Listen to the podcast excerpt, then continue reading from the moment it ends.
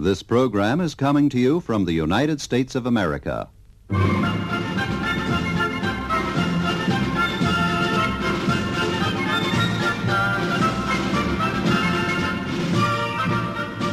Tahle znělka provázela generace Čechů a Slováků druhou polovinou 20.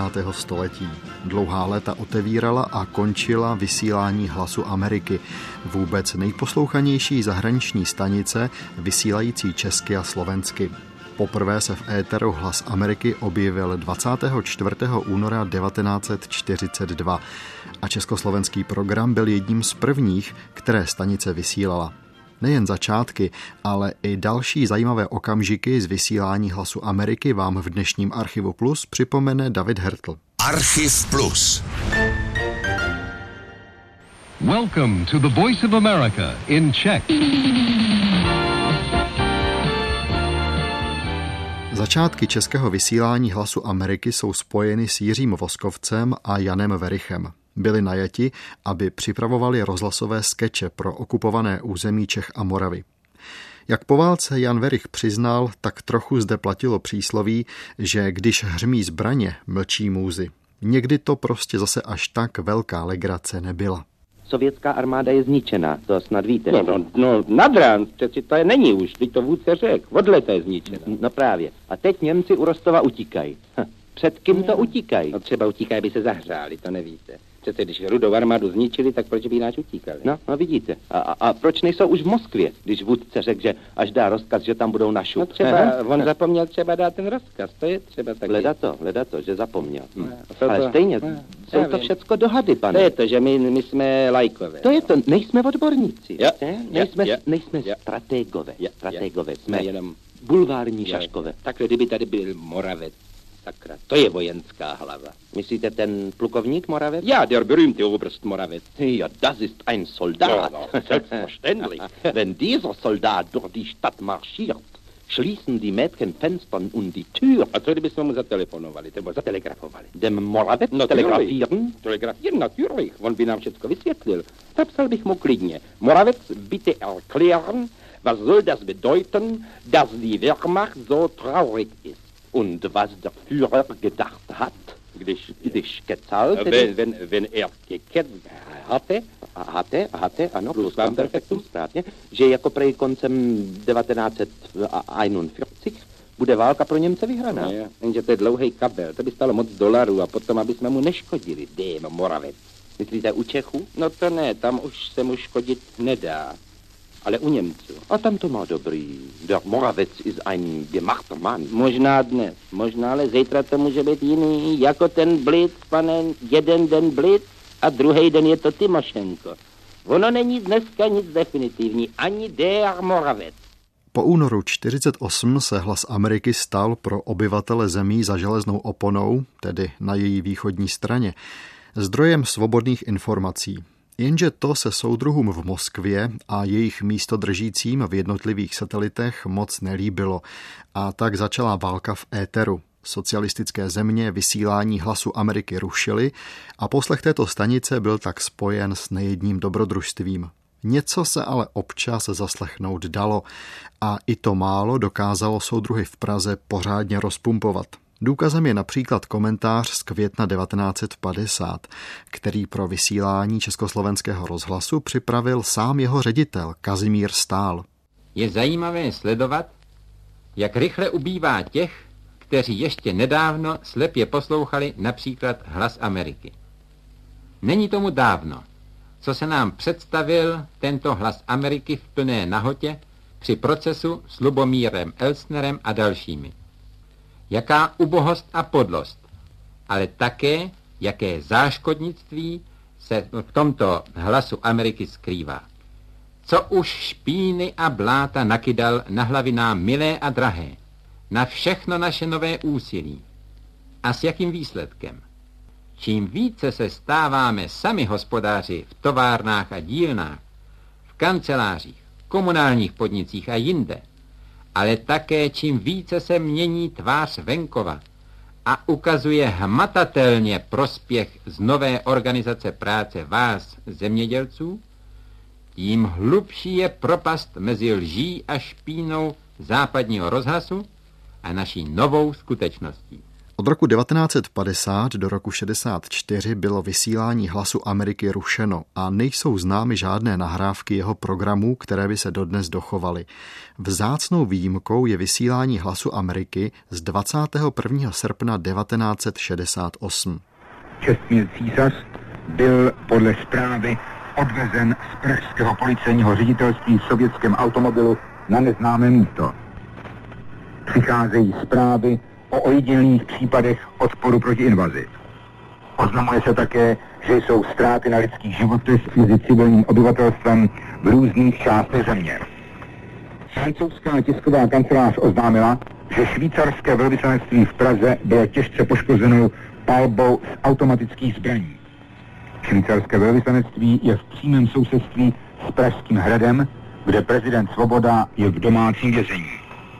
Československý rozhlas odsoudil dnes ráno invazi Československa jako ilegální čin, který je v rozporu s mezinárodním právem a socialistickým internacionalismem.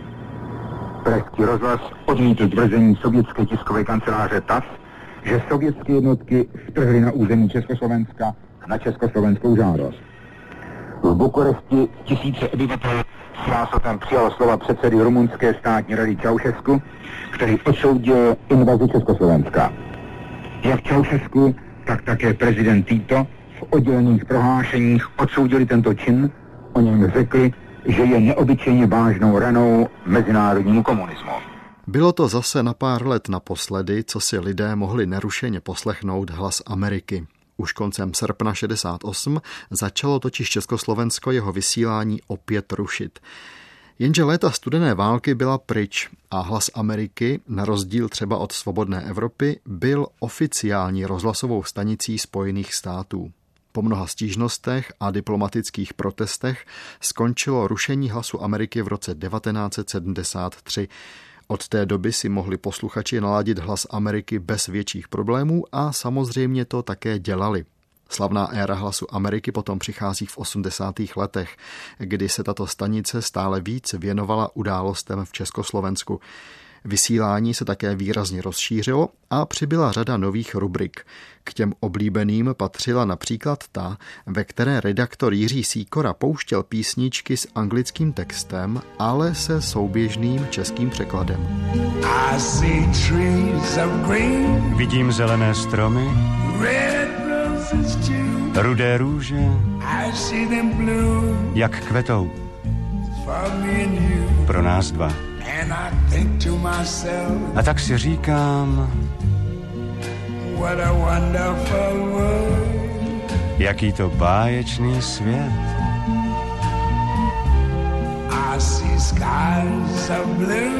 Obloha je modrá,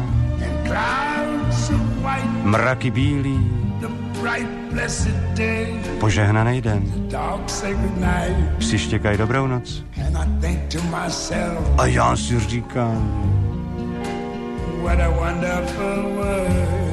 jaký to báječný svět. K dalším oblíbeným pořadům hlasu Ameriky patřilo čtení z necenzurované literatury.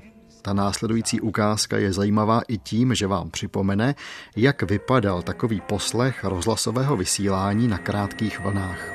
Došlo požadavek čtení necenzurované literatury, jsme pro vás vybrali ukázky z knihy Margaret Buber-Neumannové Kafkova přítelkyně Milana, kterou vydala v roce 1982 nakladatelství Sixty Publishers v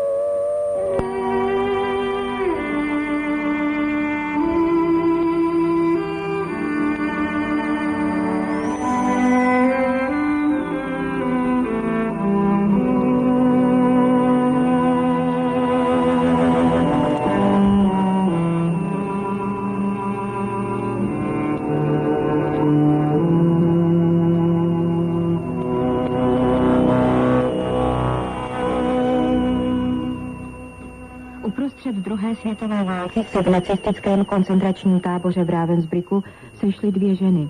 Jejichž osudy byly svým způsobem typické pro intelektuální část středoevropské levice. Česká novinářka Milena Jesenská, která později vstoupila do světové literatury jako Kavkova Milena, tehdy už rozvedená Krejcerová a někdejší redakční tajemnice Peroutkova týdeníku Přítomnost, a bývalá komunistka Margaret Buber Neumannová, o šest let mladší než Milena, poprvé provdaná za syna německo-židovského filozofa Martina Bubra a pak žena bývalého předního komunistického funkcionáře Hanse Neumana, kterého dal Stalin zlikvidovat. Obě dvě se už tehdy zřekli komunismu a nevěřili, že by se dal reformovat nebo mohl nabít lidskou tvář. Greta předtím prošla stalinským gulagem. Obě byly rozhodné odporkyně nacismu a obě krutě doplatili na komunistickou víru svého mládí.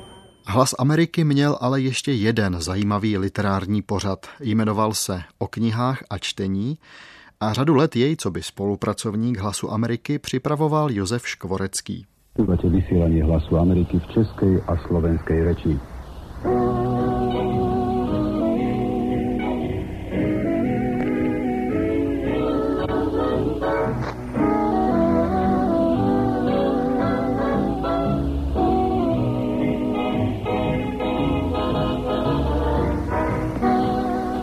Pokračujeme literárnym programom o knihách a čítaní. Spisovateľ Jozef Škvorecký hovorí o novej knihe profesora Martina Bómla Dubermana Paul Robson, ktorá je venovaná životu a kariére tohto slávneho černoského herca a speváka. W.H. Auden kdysi napsal báseň, jež vyjádřila jednu obecně platnou pravdu o světě umění. Cituji. Čas, který nepardonuje nevinné ani heroje a který se vždy odvracel přes noc od krásy lidských těl, ctí jazyk a je milostiv k těm, ve kterých je jazyk živ. Odpouští pišným, zbabělým, své pocty k nohám kladají. Omluví všemu navzdory i Kiplingovi názory. Klodela také jedenkrát za to, že uměl dobře psát. Báseň je sice zřetelně myšlena na spisovatele, ale myslím, že platnost Odenova postřehu je mnohem širší. Posloucháte Archiv Plus. Osobnosti a události ve zvukových vzpomínkách. Premiéra v pátek po 8. večer na Plusu. Hlas Ameriky byl v českých poměrech spojen především se jménem vídeňského redaktora Ivana Metka. Dlouhá léta přinášel z první roky informace o tom, co se v Praze děje, kterého chartistu vyšetřují, kdy začalo soudní jednání a jak dopadlo. Tvář Ivana Metka znal málo kdo, ale jeho nezaměnitelný hlas si pamatoval každý. Došlo to až tak daleko, že když se po roce 89 vrátil do Československa, stávalo se mu prý, že když se někomu představil jménem Ivan Medek, ten druhý dořekl hlas Ameriky Vídeň. Proti událostem 17. listopadu protestuje i 26. synod Československé církve evangelické. Žádá odvolání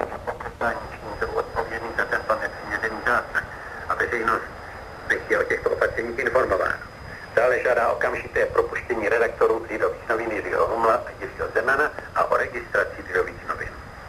Dále o amnestii pro všechny vězně svědomí a navíc se usnesl žádat federální shromáždění, aby v nové ústavě nebylo žádné ustanovení o vedoucí úloze jakékoliv strany. Ivan Medek Ameriky Vídeň. To byla jedna krátká zpráva z listopadu 89 a hlas Ivana Metka ještě jednou.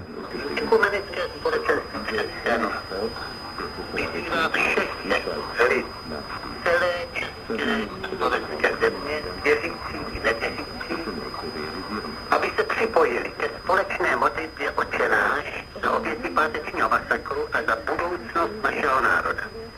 Proto navrhujeme, aby každý den 17 hodin se celý národ stišil a hlasitě na ulicích, doma, na pracovištích nebo i ve škole se modlil modlitbu, která nás všechny spojuje. Otče náš, jen si na nebesích. Ivan Medekla z Ameriky. Snad omluvíte špatnou technickou kvalitu záznamu, ale takhle jsme opravdu hlas Ameriky poslouchali. Po letech Ivan Medek na svou práci pro hlas Ameriky vzpomínal. Začal jsem spolupracovat hned na podzim roku 78. Srpnu jsem přijel do Vídně. Měl jsem samozřejmě řadu známých, řadu kontaktů, něco jsem si v duchu připravoval už tady, ale samozřejmě jsem to nikomu tady zbytečně předem neříkal. Ta spojení jsem si vybudoval vlastně až z Vídně. Ty první zprávy jsme získávali se spožděním, většinou písemně z materiálu, které přicházely přes nejrůznější osoby a nejrůznějším způsobem do Rakouska a také do Anglie. Ale později jsme získali možnost telefonického spojení bezprostřední a to fungovalo prakticky ne ze dne na den, ale skoro se dá říct z hodiny na hodinu, takže jsme měli třeba zprávy o výsleších v Bartolomějské ulici už odpoledne po tom, co v poledne skončili. Byly to telefonické zprávy a dávali nám je lidé, jejichž hlavním úkolem tady v Praze bylo ty zprávy ověřovat, protože to samozřejmě bylo velmi obtížné ze zahraničí. My jsme se museli spolehnout na určitý okruh lidí, což byl především von s výbor na obranu nespravedlivě stíhaných, eh, který měl nejlepší zpravodajství a také nejlepší způsob ověřování těch zpráv. Byli v kontaktu s každým člověkem, který byl nějakým způsobem ohrožen, pokud se ten člověk ovšem sám přihlásil. To je také důvod, proč ta činnost vonců nebyla stoprocentní. To znamená, nemohla zabrat všechny lidi, kteří byli nespravedlivě pronásledováni. Mohla se dotknout pouze těch lidí, kteří se sami k tomu voncu přihlásili. Ale my jsme pravidelně z Hlasu Ameriky, Svobodné Evropy i BBC vysílali zprávy o voncu, nejenom zprávy z voncu nebo od voncu, ale o voncu, o výboru na obranu nespravedlivě stíhaných. Uváděli jsme adresy a pokud je ještě měli, tak také i telefony jednotlivých členů vonců v Praze i v ostatních městech. V 80. letech měl už hlas Ameriky svého člověka v Československu i oficiálně a bylo to další slavné jméno, Jolion Negele. Takhle třeba vzpomínal v rozhovoru s Otou Nucem na to, jak se pokusil zúčastnit pohřbu nositele Nobelovy ceny Jaroslava Seiferta. Otázka byla jednoduchá. Měl, co by redaktor Hlasu Ameriky v Československu, někdy strach? Velký strach, ne? Byl jsem zadržen během pohřbu Jaroslava Seiferta. Byli jsme informováni dřív, že ne, nesmíme natáčet. Ani v Rudolfinu, ani v na Břevnově. Hm. Nikdo nic neřekl o Králopech, kde byl hřbitov. Tak jsem tam jel, pan Havel tam stál, policajti v civilu nechtěli ho pustit dovnitř, mě pustili, měl jsem v ruce tašku, jsem nenatáčel nic. Hmm. Rakev už tam ležel, poslední slova a přišel Estebák, dost hrubý vypadající a mě řekl, tak jdeme. A já jsem řekl, počkejte až po pohřbu. A tak vzal tu tašku a šel směrem prámy a východ. Já jsem řekl, počkejte, já, jsem, já tady mám právo tady být, já jsem tady akreditovan, tady je akreditační karta. A ten řekl, vy nemáte žádné právo tady být, tak jdeme. Odvezli mě pryč. A vzali mě do poli. Uprostřed poli. Už jsem měl trochu strach. Hmm. Tam byl další auto. A řekli, tak přestupte. Tak jsme přestupili do druhého auta s pražskými značkami. S pražskou značkou teda. A jsme jeli 30 minut skrz lesa, hory, dole. No, tak eh, americké velvyslanectví protestovalo. A odpověď byl, že pověření funkcionáři tam si mysleli, že já jsem byl terorista a v tašce byla puma. A ještě jedna krátká ukázka z rozhovoru o Nuce a Joliona Negeleho. Týká se rozhovoru, který Jolion Negele natočil v létě 1988 s Alexandrem Dubčekem. Bylo to poprvé od roku 69, kdy mohli lidé Dubčeka slyšet mluvit. Ale nejen to, rozhovor skončil tím, že Aleksandr Dubček dokonce zpíval. Jak vidno, některé věci se ve slovenské politice opakují. Já jsem ho navštívil poprvé v listopadu 87. Aha. A nějakou dobu to trvalo, než, ano, než svolil. Tak, tak šest měsíců. Ano. A ten rozhovor eh, se proslavil zejména svým koncem. To byl jeho nápad. Ten chtěl zpívat, já bych nikdy ho nezeptal, jestli nechtěl. Já ne, žádný zpívák nejsem, tak já nespívám. já jsem si myslel, to je eh, novinářská genialita, donutit někdejšího prvního tajemníka byl, na konci zpívat. To byl genialita bývalého politika, který chtěl prostě vyhrát nebo hrát zpátky tu podporu a ukázat, že není šedivý fun- funkcionář, ale že je člověk.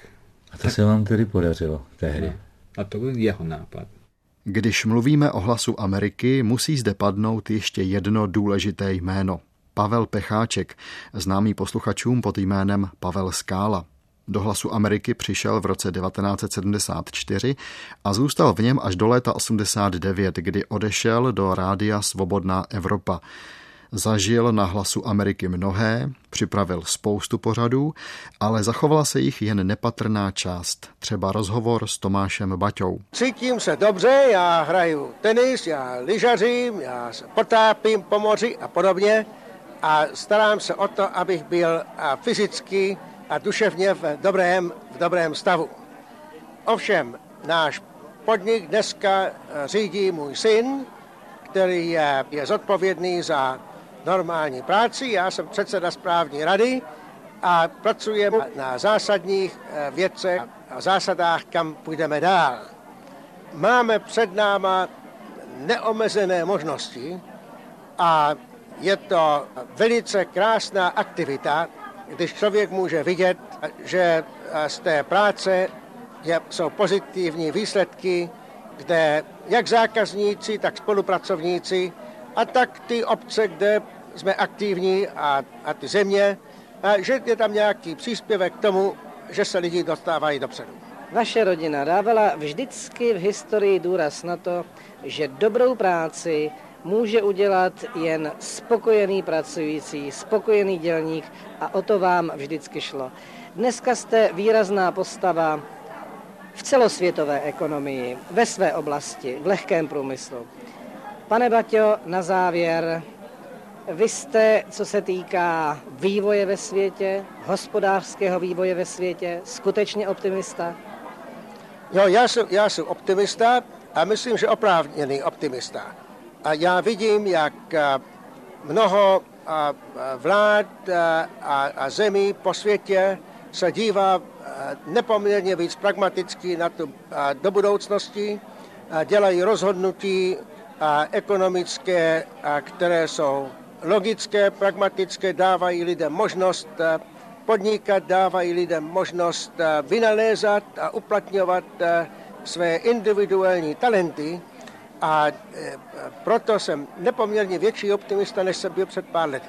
Legendárním se stal Pecháčkův rozhovor s čerstvým emigrantem Valdemarem Matuškou v září 86 a stejně oblíbené byly i jeho reportáže ze zápasů kanadsko-americké hokejové ligy, ve které už tehdy působila řada Čechů. Minuta 15 vteřin čistého hracího času nám schází do konce utkání, v němž tým Washington Capitals prohrává s celkem Calgary Flames 3-5, třetiny 1-1, 1-2 a zatím 1-2. Utkání v celku průměrné úrovně, Washingtonští jsou zklamáni, zdá se, že už se jim nepodaří to skore do konce zápasu skorigovat, Washington je ve velmi těžké Patrikově skupině, Patrikově divizi a stále ještě není rozhodnuto o tom, kdo nakonec půjde do Stanley Cupu, kdo půjde do playoffs.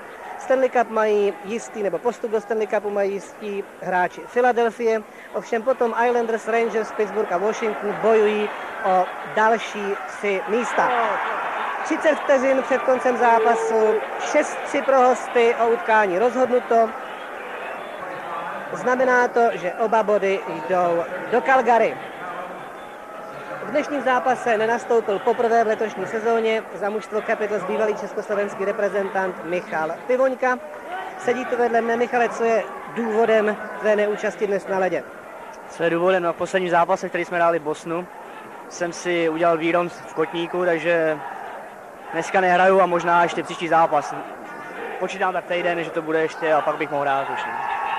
My jsme spolu hovořili na začátku sezóny. Ty jsi měl skvělý začátek, prvních řekněme 15-20 kol, potom určitý útlum a teď si zase ve formě v několika posledních utkáních si střílel velmi dobře, pět gólů za sebou. Řekni mi, jak se dneska po 67 zápasech v dresu Capitals díváš na NHL? Čekal jsem, eh, že to bude těžké, ale jako to, co, mi, to, co jsem o tom slyšel předtím, že to je jako nejlepší a nejtěžší liga na světě, tak se potvrdilo. Je to opravdu dost pro hráče, protože hrozně moc cestování, každý den trénink, opravdu je to, je toho dost.